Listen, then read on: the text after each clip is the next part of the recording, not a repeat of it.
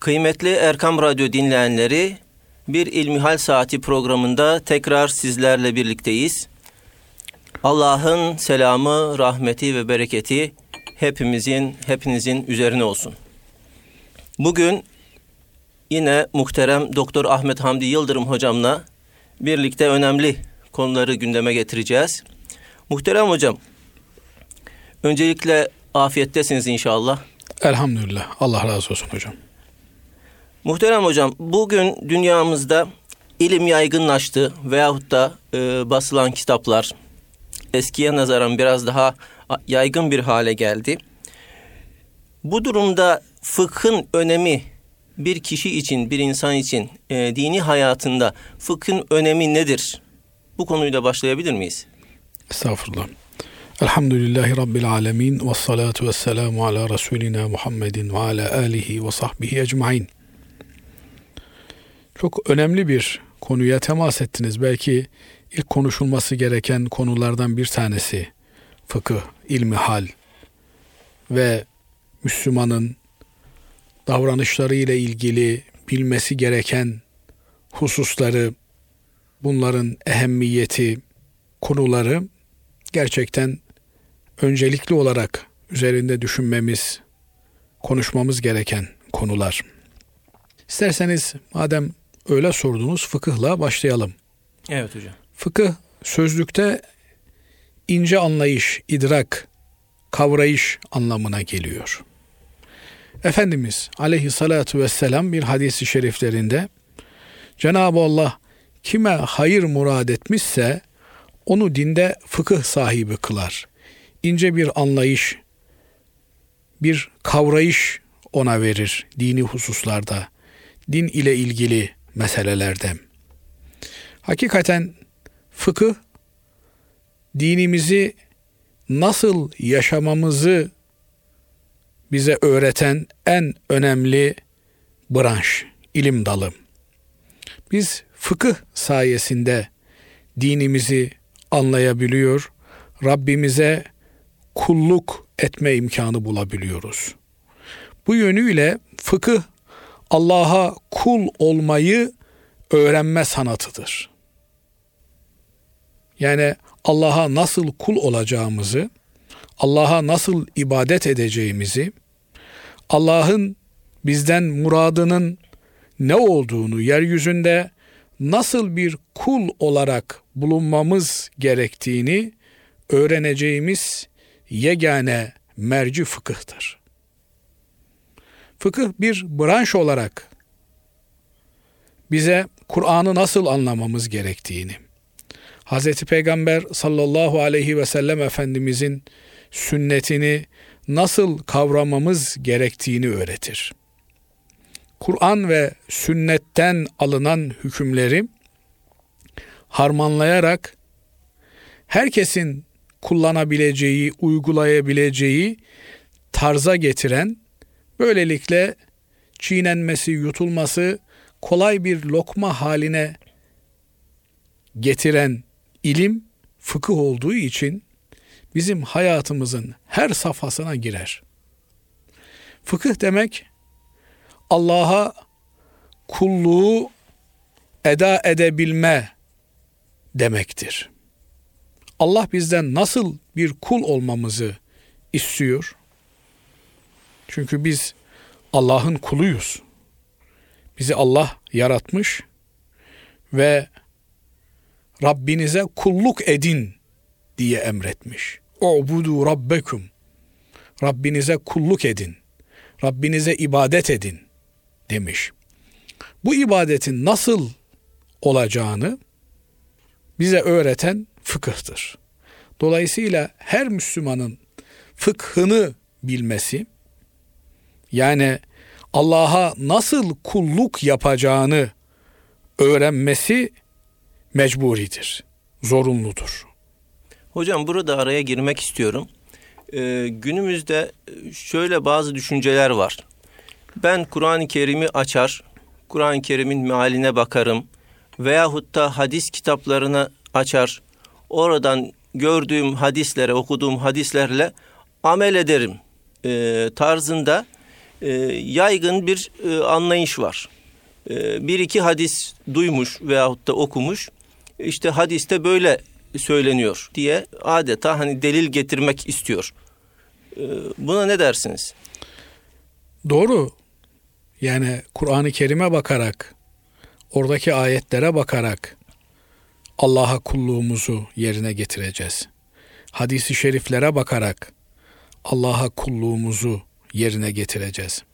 Ama baştan beri şunu söylemeye çalışıyorum Basri Hocam. Evet.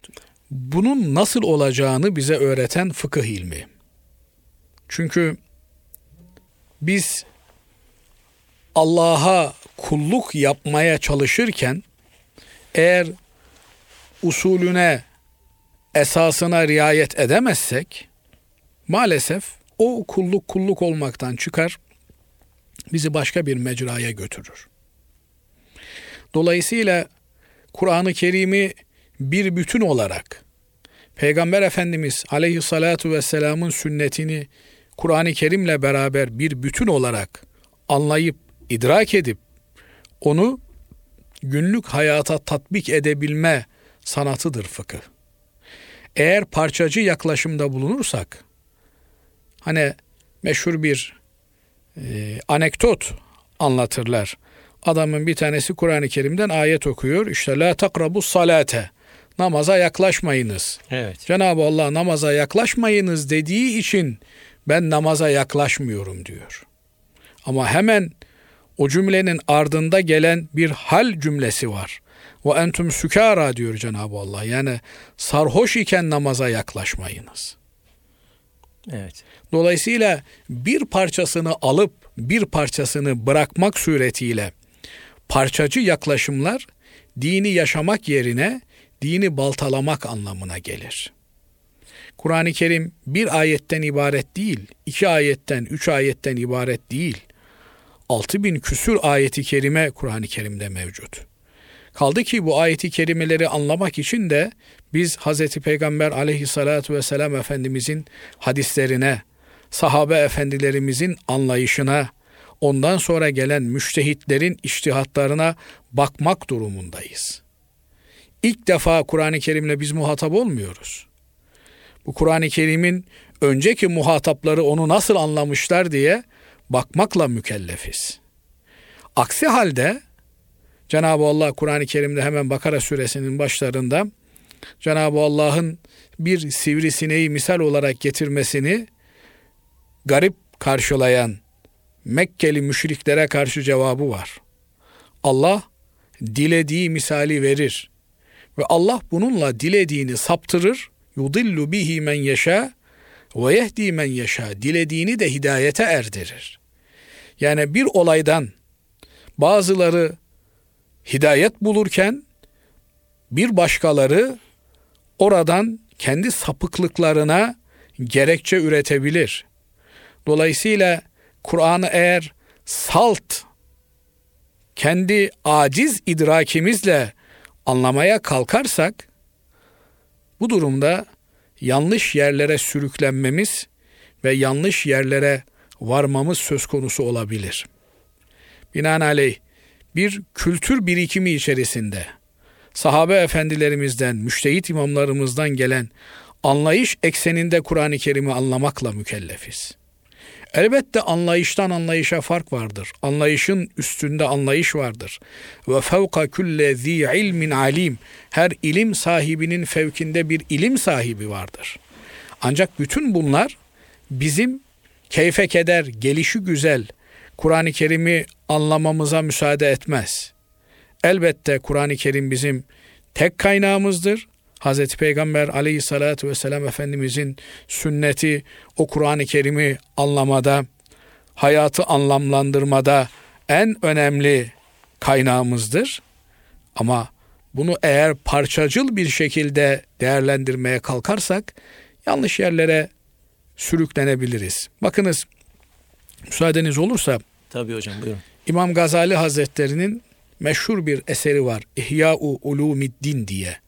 Din ilimlerinin ihyası. Başlık bir defa çok iddialı bir başlık. Yani sanki din ilimlerinin üzerine bir ölü toprağı serpilmiş, İmam Gazali Hazretleri geliyor ve o ölü toprağını kaldırarak tekrardan din ilimlerini canlandırıyor. Bu kitabın ilk girişi, mukaddimesi Kitabul İlimle, ilim kitabıyla başlıyor. Burada ilmin faziletine dair ayetleri ve hadisleri serdediyor İmam Gazali. Hadisi şerifleri serdederken fıkıh ilminin faziletine dair Efendimiz aleyhissalatu vesselamın buyurduğu Buhari Şerif'te de geçen bir hadisi şerifi naklediyor. Az önce de bu hadisi şerifi okumaya çalışmıştık. Buyuruyor ki Efendimiz Aleyhissalatu vesselam Men yuridillahu bihi hayran yufakkihu fid din. Allah kime hayır murad etmişse onu dinde fakih kılar diyor. Şimdi İmam Gazali Hazretleri bu hadisi şerifi zikrettikten sonra okurlarına şunu söylüyor. Sakın diyor zamanımızın fakihlerine, fıkıh hocalarına bakarak bu hadisin sağlamlığıyla ilgili şüpheye düşmeyesin diyor. Zamanımız dediği İmam Gazali Hazretleri 505 Hicri'de vefat etmiş. Bugün 1437 Hicri'deyiz. Yani bu eseri 10-15 sene önce yazdığına göre vefatından 5. asırdan bahsediyor. 5. asırda ilim zirve yapmış Bağdat'ta ve diyor ki İmam Gazali zamanımızın hocalarına bakarak Allah bunların neresine hayır murad etmiş? Bunlar mı hayırlı insanlar? Bunlar hayırlı insanlar da Allah bunların hayrından dolayı mı bunları fakih kılmış? Diyerek hadisle ilgili şüpheye düşmeyesin diyor.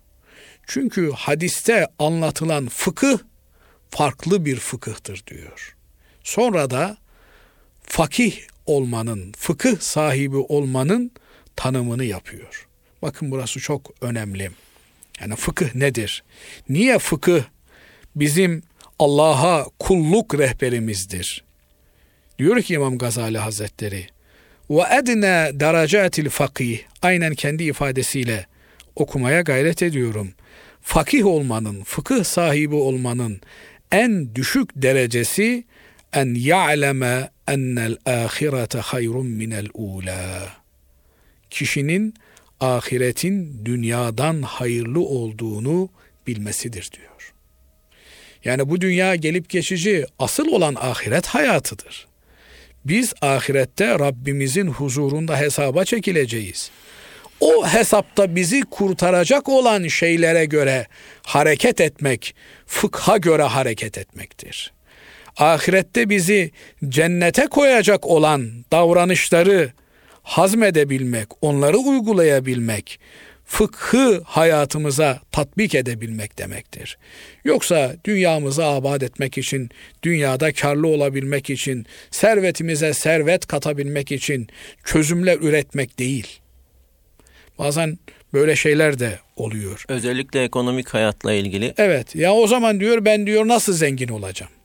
Evet. Yani sanki hayatın maksadı zengin olmakmış gibi. Eğer öyle olsaydı Hazreti Peygamber aleyhissalatu vesselam Efendimiz zengin olma çabası içerisinde olurdu. Halbuki öyle demiyor. Aksine fakirlik benim övünç kaynağımdır diyor. Burada fakirliği de yanlış anlamamak gerekiyor. Fakirlik, yoksulluk, hiçbir şeyi olmamak demek değil. Yani her daim Allah'a muhtaç halde olmak benim övünç kaynağımdır diyor. Çünkü muhtaç olan insan haddini bilir. Rabbine muhtaç olan insan Rabbi ile olan ilişkilerini düzeltir. Dolayısıyla insanın Allah'la olan ilişkisini düzeltebilmesi, o ilişkileri usulüne uygun bir şekilde ayarlayabilmesi, işte fıkıh bu demek. Binaenaleyh bizim için en zorunlu olan, en değerli olan şeydir. Hani İmam-ı Azam Efendimizin tanımıyla fıkıh kişinin lehine ve aleyhine olan şeyleri bilmesidir. Yani nedir onu ahirette kurtaracak olan? Allah'ın cennetiyle, cemalullah'la neticelenecek hayatı ona kazandıracak olan nedir? Bunları bilmesi ve ne tür şeyler onun aleyhine tecelli edecek, onun zararına olacak bunları bilmesi ve onlardan kaçınmasıdır. Dolayısıyla fıkıh bizim hayatımızın her alanına girmektedir.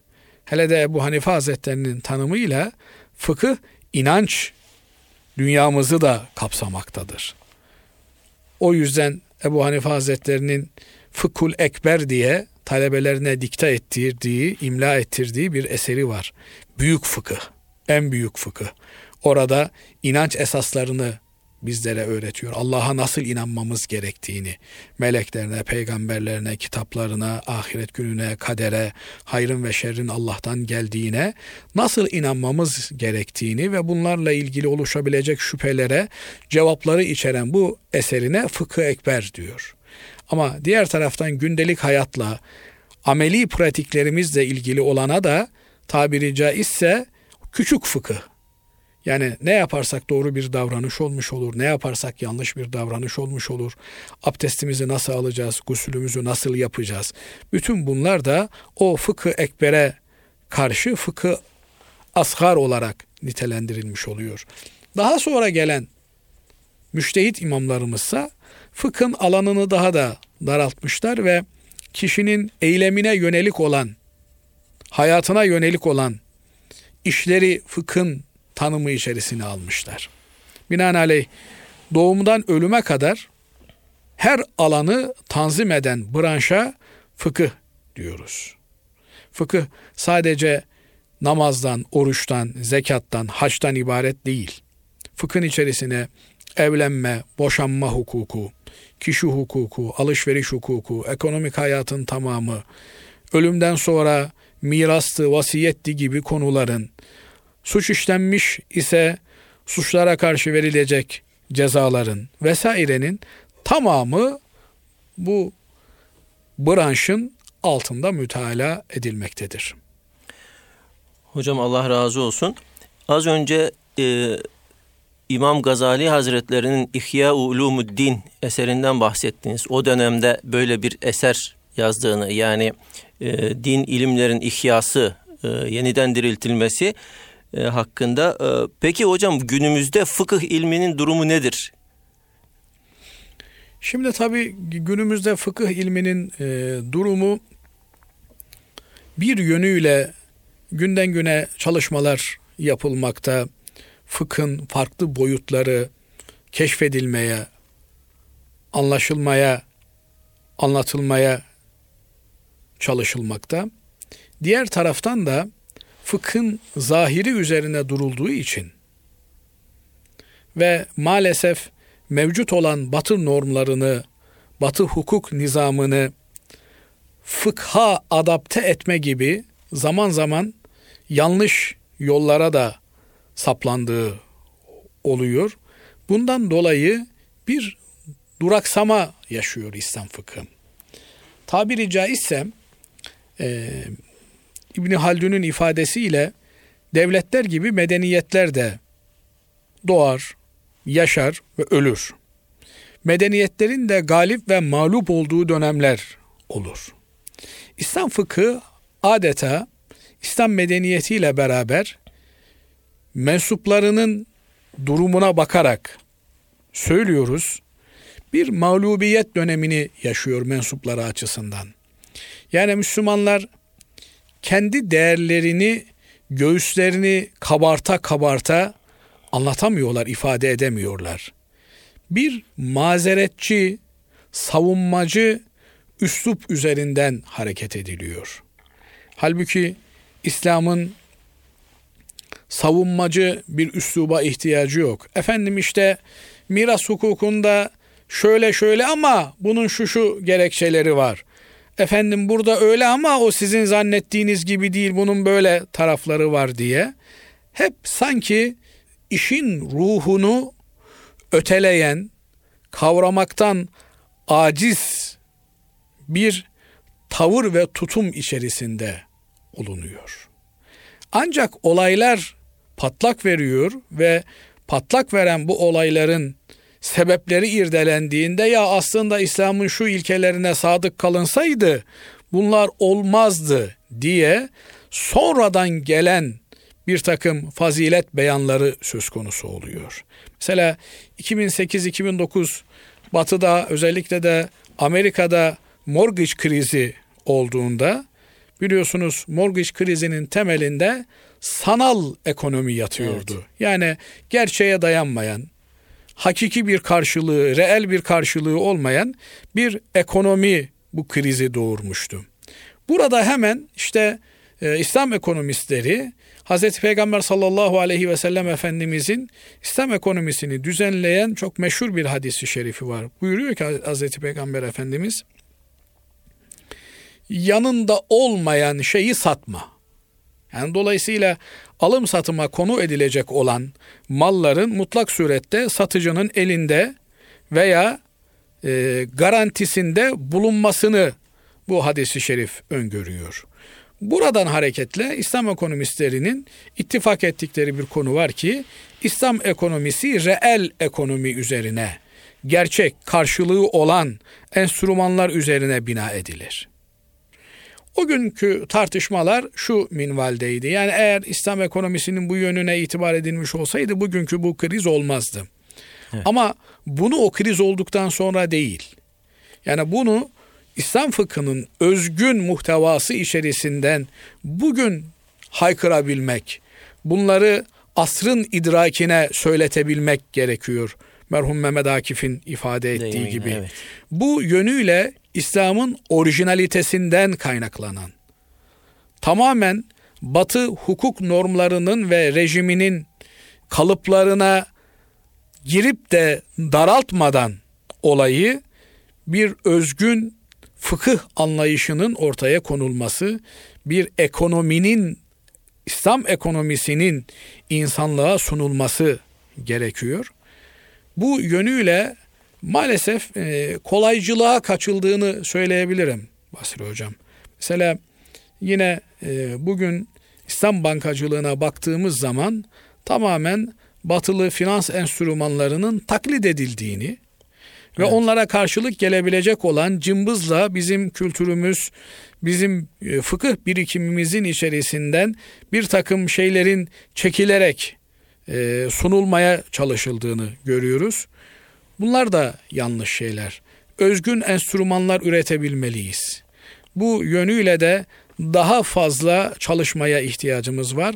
Daha özgür beyinlere ihtiyacımız var. Yani daha kendine güvenen, dünya için değil, ahiret için fıkıh üreten. Yani o da nedir? Bir misal vermek istiyorum bu hususta Buyurun. müsaadeniz olursa. Buyurun hocam.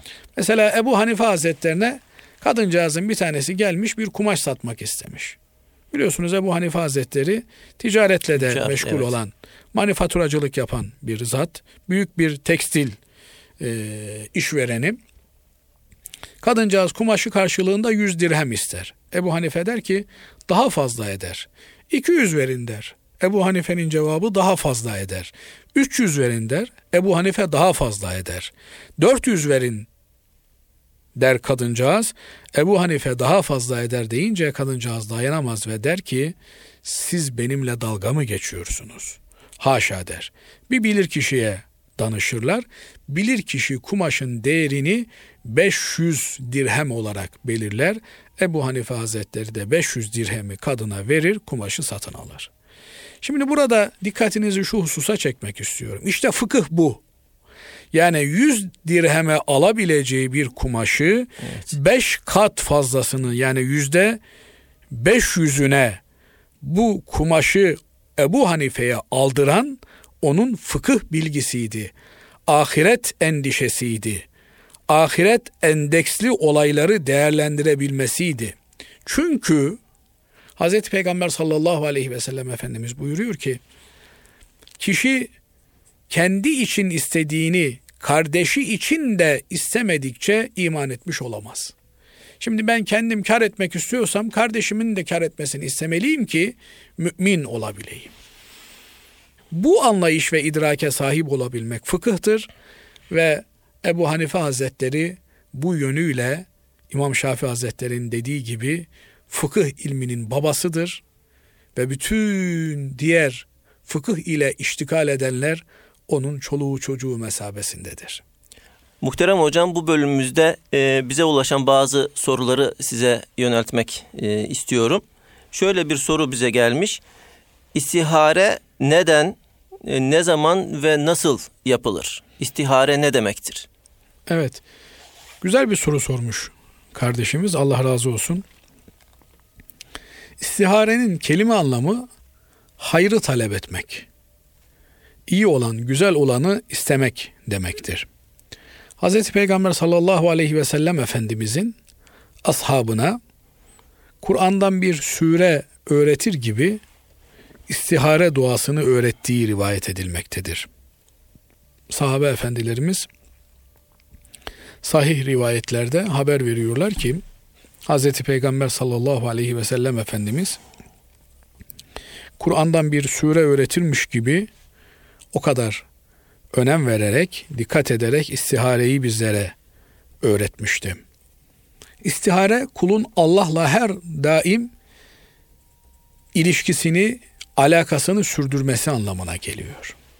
Yani bir işe başlayacağınız zaman o işin sizin hakkınızda hayırlı olmasını Cenab-ı Allah'a arz ediyorsunuz. Bu yönde talepte bulunuyorsunuz, dua ediyorsunuz. Binaenaleyh tereddüt ettiğimiz hakkımızda hayır mı şer mi? Dinimiz ve ahiretimiz için teşebbüs etmekte olduğumuz iş yararımıza mı zararımıza mı?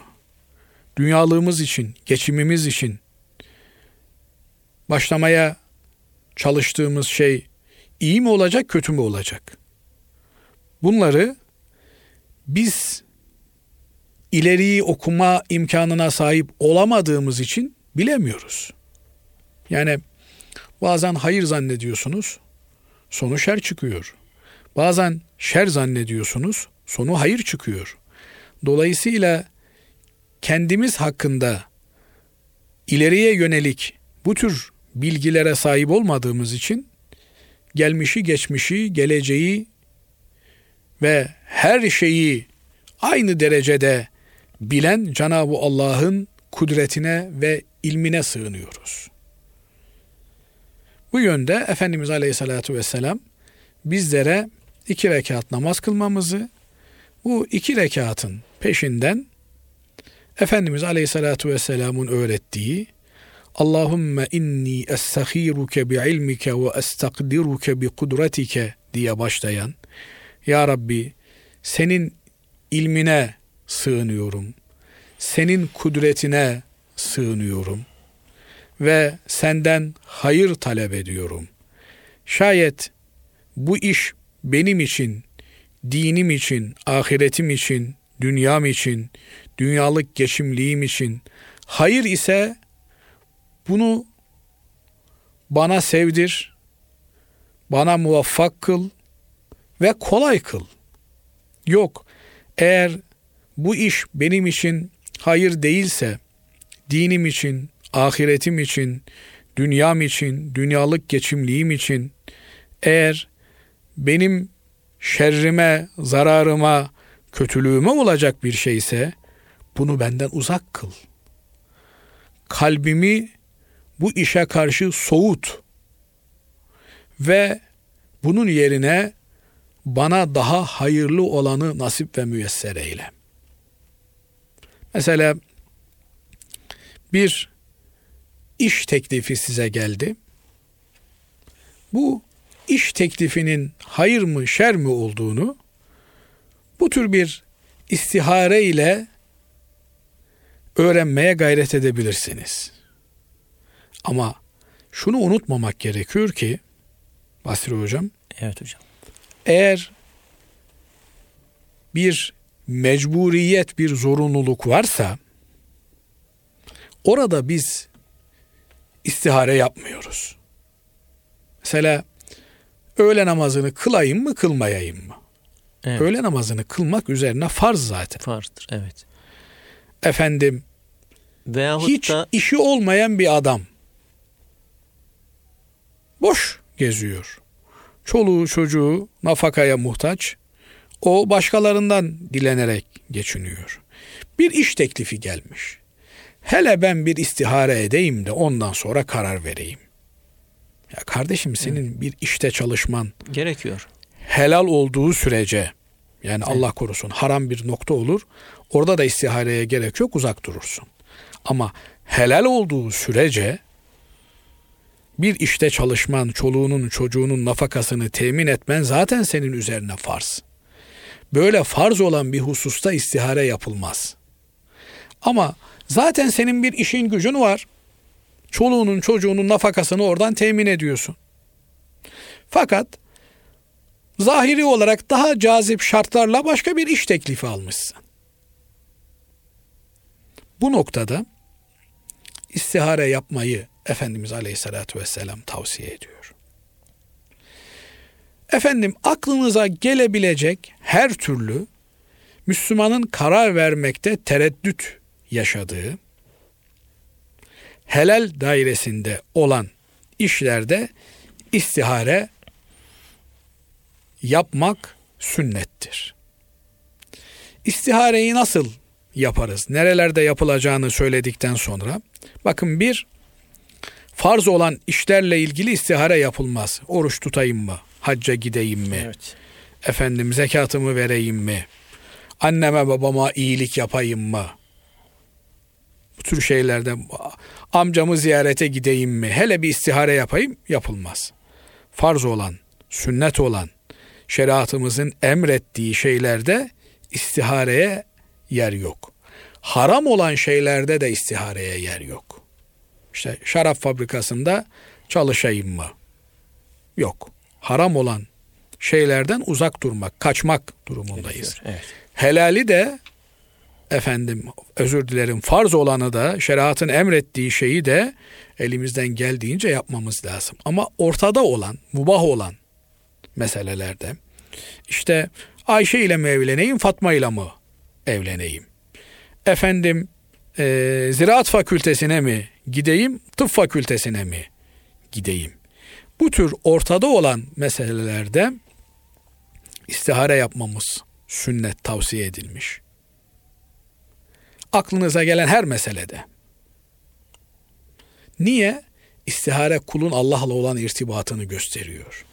Her an Cenab-ı Allah'la kulun birlikteliğinin işareti. Ya Rabbi ben bilmiyorum. İşte şuradaki dükkanımı tutayım yoksa öbür mahalledeki bir dükkanımı tutayım. Sen hakkımda hayırlı olanı bana nasip et. Onu benim gönlüme ısındır, sevdirt. Buradan istiharenin yapılış şekline gelelim. Onu da az önce ifade ettiğimiz gibi abdestimizi, namaz abdesti gibi bir abdest alıp nihayetinde iki rekat namaz kılacağız çünkü. İki rekat namaz, birinci rekatta Kafirun suresini, ikinci rekatta İhlas suresini okuyup selam verdikten sonra ellerimizi kaldırıyoruz. Teberrüken Arapçasını da Türkçesiyle beraber okuyarak Ya Rabbi az önce anlatmaya çalıştığımız şekilde bu iş hayır ise onu bana müyesser kıl, değil ise benden uzak kıl, onun yerine hayırlı olanı bana nasip et diye dua ediyoruz. Peki sonra bunu yatsı namazından sonra mı yapıyoruz hocam? İşte bu nokta önemli. Sonra sonrasında işi Allah'a bırakıyoruz. Bunu yatsı namazından sonra yap, yapmak mümkün olduğu gibi sabah namazından sonra da yapabiliriz. Öğle namazından sonra da yapabiliriz. İkindi namazından sonra yapamayız çünkü ikindi namazından sonra nafile namaz kılmak mekruh. Sabah namazından sonra önce nafile namaz kılmak mekruh. Sadece sabah namazının sünneti var. Dolayısıyla sünnet namaz kılabileceğimiz her vakitte bu namazı kılarız. Bu namazdan sonra istihareye yatmak diye bir kısım sünnette yok. İstihare namazı kılmak var. İstihareye yatmak diye bir şey yok. Halbuki çok yaygın. Ama bazı kimselere istiharenin neticesi nedir? İstiharenin neticesi yani mesela şöyle söyleyeyim size. Ee, Basri Bey kardeşim Bir konuda bir kitap yazmak istiyorsunuz. Bu kitap ümmeti Muhammed'e hayırlı olur mu olmaz mı? İstihare yapayım ondan sonra yazayım dediniz. Önceleri konuyla ilgili müthiş bir istek ve arzu vardı içinizde. Ama istihareyi yaptıktan sonra namazı kılıp duasını yaptıktan sonra içinizde konuya karşı bir isteksizlik, bir soğukluk oluştu. İşte istihare sonucunu verdi, neticesini verdi. Yani istihareden önce istekli olduğunuz, can attığınız tabiri caizse bir konu istihareden sonra artık size soğuk gelmeye başladı. Bunun anlamı ne? Ha, ondan uzak durun. Her bir veya, kişi bu mesajı alabilir mi hocam? Veya tam tersi oldu. Yani daha fazla isteklendiniz. Daha fazla e, konuyla ilgili cuşu huruşa geldiniz tabiri caizse. Şimdi sorduğunuz şey de önemli. Yani herkes bu mesajı bu kadar net bir şekilde alabilir mi? Çünkü e, şöyle bir ilave yapmak istiyorum. Başta dediniz ki Resulullah Efendimiz sallallahu aleyhi ve sellem sure öğretir gibi e, istihare duasını, istihareyi öğretiyordu sahabesine. Bunun hani bir neticesi, bir sonucu olarak madem ki böyle bunu bu kadar önemli bir şekilde öğretiyor. E, demek ki bunun neticesini e, istihareyi yapan kişi e, almalıdır diye düşünüyorum. Doğru mu düşünüyorum? Tabii. Yani neticesini alıyor zaten. Cenab-ı Allah'la iletişimi güçlü olan, alıcılara açık olan kullar alıyorlar. Kimi bir defada alır, kimine Efendimiz Aleyhisselatü Vesselam bunu tekrar etmesini tavsiye ediyor. Yani bir defa namaz kıldın, dua ettin ama sonucu alamadın. Ertesi evet. gün bir daha namazı kılıyorsun. Hmm. Bir daha duanı yapıyorsun. Bir daha aynı talepleri Cenab-ı Allah'a arz ediyorsun. Olmadı üçüncü gün bir daha yapıyorsun. Evet. Bu şekilde bir haftaya kadar tekrarlanmanın müstahap olduğu söyleniyor. Ha, bazısı sonucu kalbinde bu şekilde net bir şekilde hisseder. Bazıları o gece rüyasında gördüğü rüyadan işaretler alarak o konuya dair gönlünde bir sıcaklık oluşur. Ama bununla ilgili temel bir noktayı da gözden kaçırmamak lazım. Hazreti Peygamber sallallahu aleyhi ve sellem Efendimiz bir delikanlıyı tehlikesine almış. Yani devesinin arkasına bindirmiş. Yolda giderken de bir eğitimci kişiliğiyle Hazreti Peygamber aleyhissalatü vesselam Efendimiz yolda geçen vakit boşa geçmesin diye o delikanlıya nasihatlerde bulunuyor. Diyor ki ya gulam inni uallimuke kelimat. Delikanlı diyor sana birkaç cümle söyleyeceğim, öğreteceğim. Bunlar önemli. Senin hayatınla ilgili can alıcı noktalar. Bunları iyi ezberle diyor. İhfazillâhe yahfazk. Sen Allah'ı koru, Allah da seni korusun diyor. Yani sen Allah'ın emirlerine, yasaklarına riayet et, Allah'ın dinini yaşamaya gayret et, Allah'ın şeriatı hakkında riayetkar ol. Allah da seni korusun her türlü kötülükten, her türlü art niyetten vesaireden. Yine Efendimiz Aleyhisselatü Vesselam'ın bu delikanlıya yaptığı tavsiyeler, öğrettiği hususlar içerisinde bir cümle var ki onu burada aktarmaya gayret ediyorum. Taarraf alallahi firraha ya'rifke fi şiddeti. Rahat zamanda, bolluk zamanında Cenab-ı Allah'la tanış. Allah da dara düştüğünde seni tanısın. Yani gençsin, hiçbir derdin yok, hiçbir sıkıntın yok. Cenab-ı Allah'la irtibatını güçlendir. Namazını, niyazını ona göre düzenli yerine getir. Cenab-ı Allah'la özel bir takım vakitlerin olsun. Dara düştüğünde, sıkıntıya düştüğünde de Ya Rab dediğinde Cenab-ı Allah senin duana icabet etsin. Şimdi bu istihare namazında da en önemli nokta burası. Yani kul Cenab-ı Allah'la o kadar diyaloğu, alışverişi açık olacak ki istihareden sonra çok basit bir zaman dilimi içerisinde bile kişi neticeyi alabilsin. Ama eğer gafil olursa yani istihareyi hayatında bir kez denerse onun hakikaten e, receiver'ı, alıcısı problemli olabilir. Sıkıntı çekebilir. Ama yılmamak lazım. Bir defa, iki defa, yedi defa tekrar etmek lazım. O hususta bir netice olmadı diye ben istiharede bir şey tahsil bir netice tahsil edemiyorum diye geri durmamalı. Başka bir meselede yine istihare yapmalı. Evet. Dolayısıyla istiharesiz vakit geçirmemeli. Fakat şunu da e, hesapta tutmak gerekiyor. İstihare istişareye mani değil. İstiharemizi yapacağız, istişaremizi yapacağız. İstişare neticesinde bakacaksınız ki bir tarafa doğru gönlünüz kaymaya başlamış. Evet. Veya işte can attığınız konuyla ilgili artık içinizde bir isteksizlik uyanmış. Tamam diyeceksiniz. Demek ki bu işi yapmam eğer isteksizlik uyanmışsa benim hakkımda hayırlı değil. Bir defa karar verdikten sonra da ona göre davranıp geçeceksiniz. Burada tam zamanı geldi, tam yeri geldi hocam. Ee, istişare yapılacak kişiler hangi vasıflara sahip olmalıdır? Yani her önüne gelenle de istişare yapılmamalıdır zannederim. Tabii. Yani yukarıdaki yine konuştuklarımıza atfedecek olursak ahiret endeksli bakabilen senin dünyanı dünyalık kazancını değil ahiret kazancını düşünen insanlarla istişare etmek lazım. Ve seni hakikaten seven insanlarla istişare etmek lazım. Ben mesela kendi hayatımdan bir misal verecek olursam bir gün işte tereddüt yaşadım bir konuyla ilgili. Çok sevdiğim bir büyüğüme danıştım. Bana öyle bir güzel cevap verdi ki yani o anda bütün içimdeki tereddütler gitti. Verdiği cevap şuydu. Bu mesele din ve şeriat açısından nasıl değerlendiriliyor?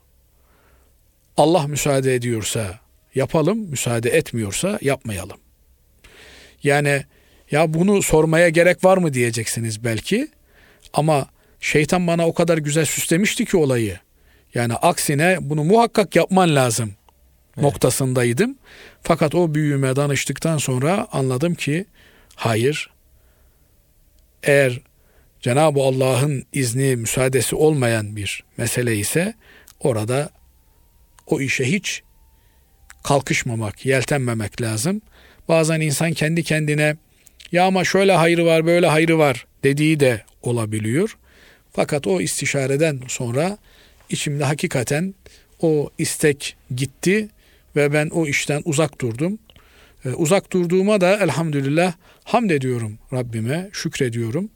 Binaenaleyh insanların e, hayatında böyle istişare edebilecekleri, hayatları ile ilgili kritik konularda müracaat edebilecekleri muhakkak bir bilir kişilerinin, uzman kimselerin, bir mürşitlerin bulunması gerekiyor.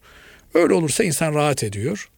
Eğer öyle olmazsa kendi aklının yetersizliği içerisinde adeta cenderelerin içerisinde kalmış bir insan gibi ızdırap çekiyor, acı çekiyor. Binaenaleyh muhakkak surette bizim hakkımızda hayır düşündüğüne inandığımız, ahiret gözlüğüyle olayları değerlendiren büyüklerimizin, mürşitlerimizin bugünkü işte ifadeyle koç diyorlar, rehberlerimizin gözetiminde olmakta büyük fayda var. Elhamdülillah. Muhterem hocam bugün de bir İlmihal Saati programının sonuna geldik. Değerli Erkam Radyo dinleyenleri bugün fıkhın öneminden, e, istihareden ve istişareden bahsettik. Bir sonraki programda tekrar buluşmak dileğiyle Allah'a emanet olun.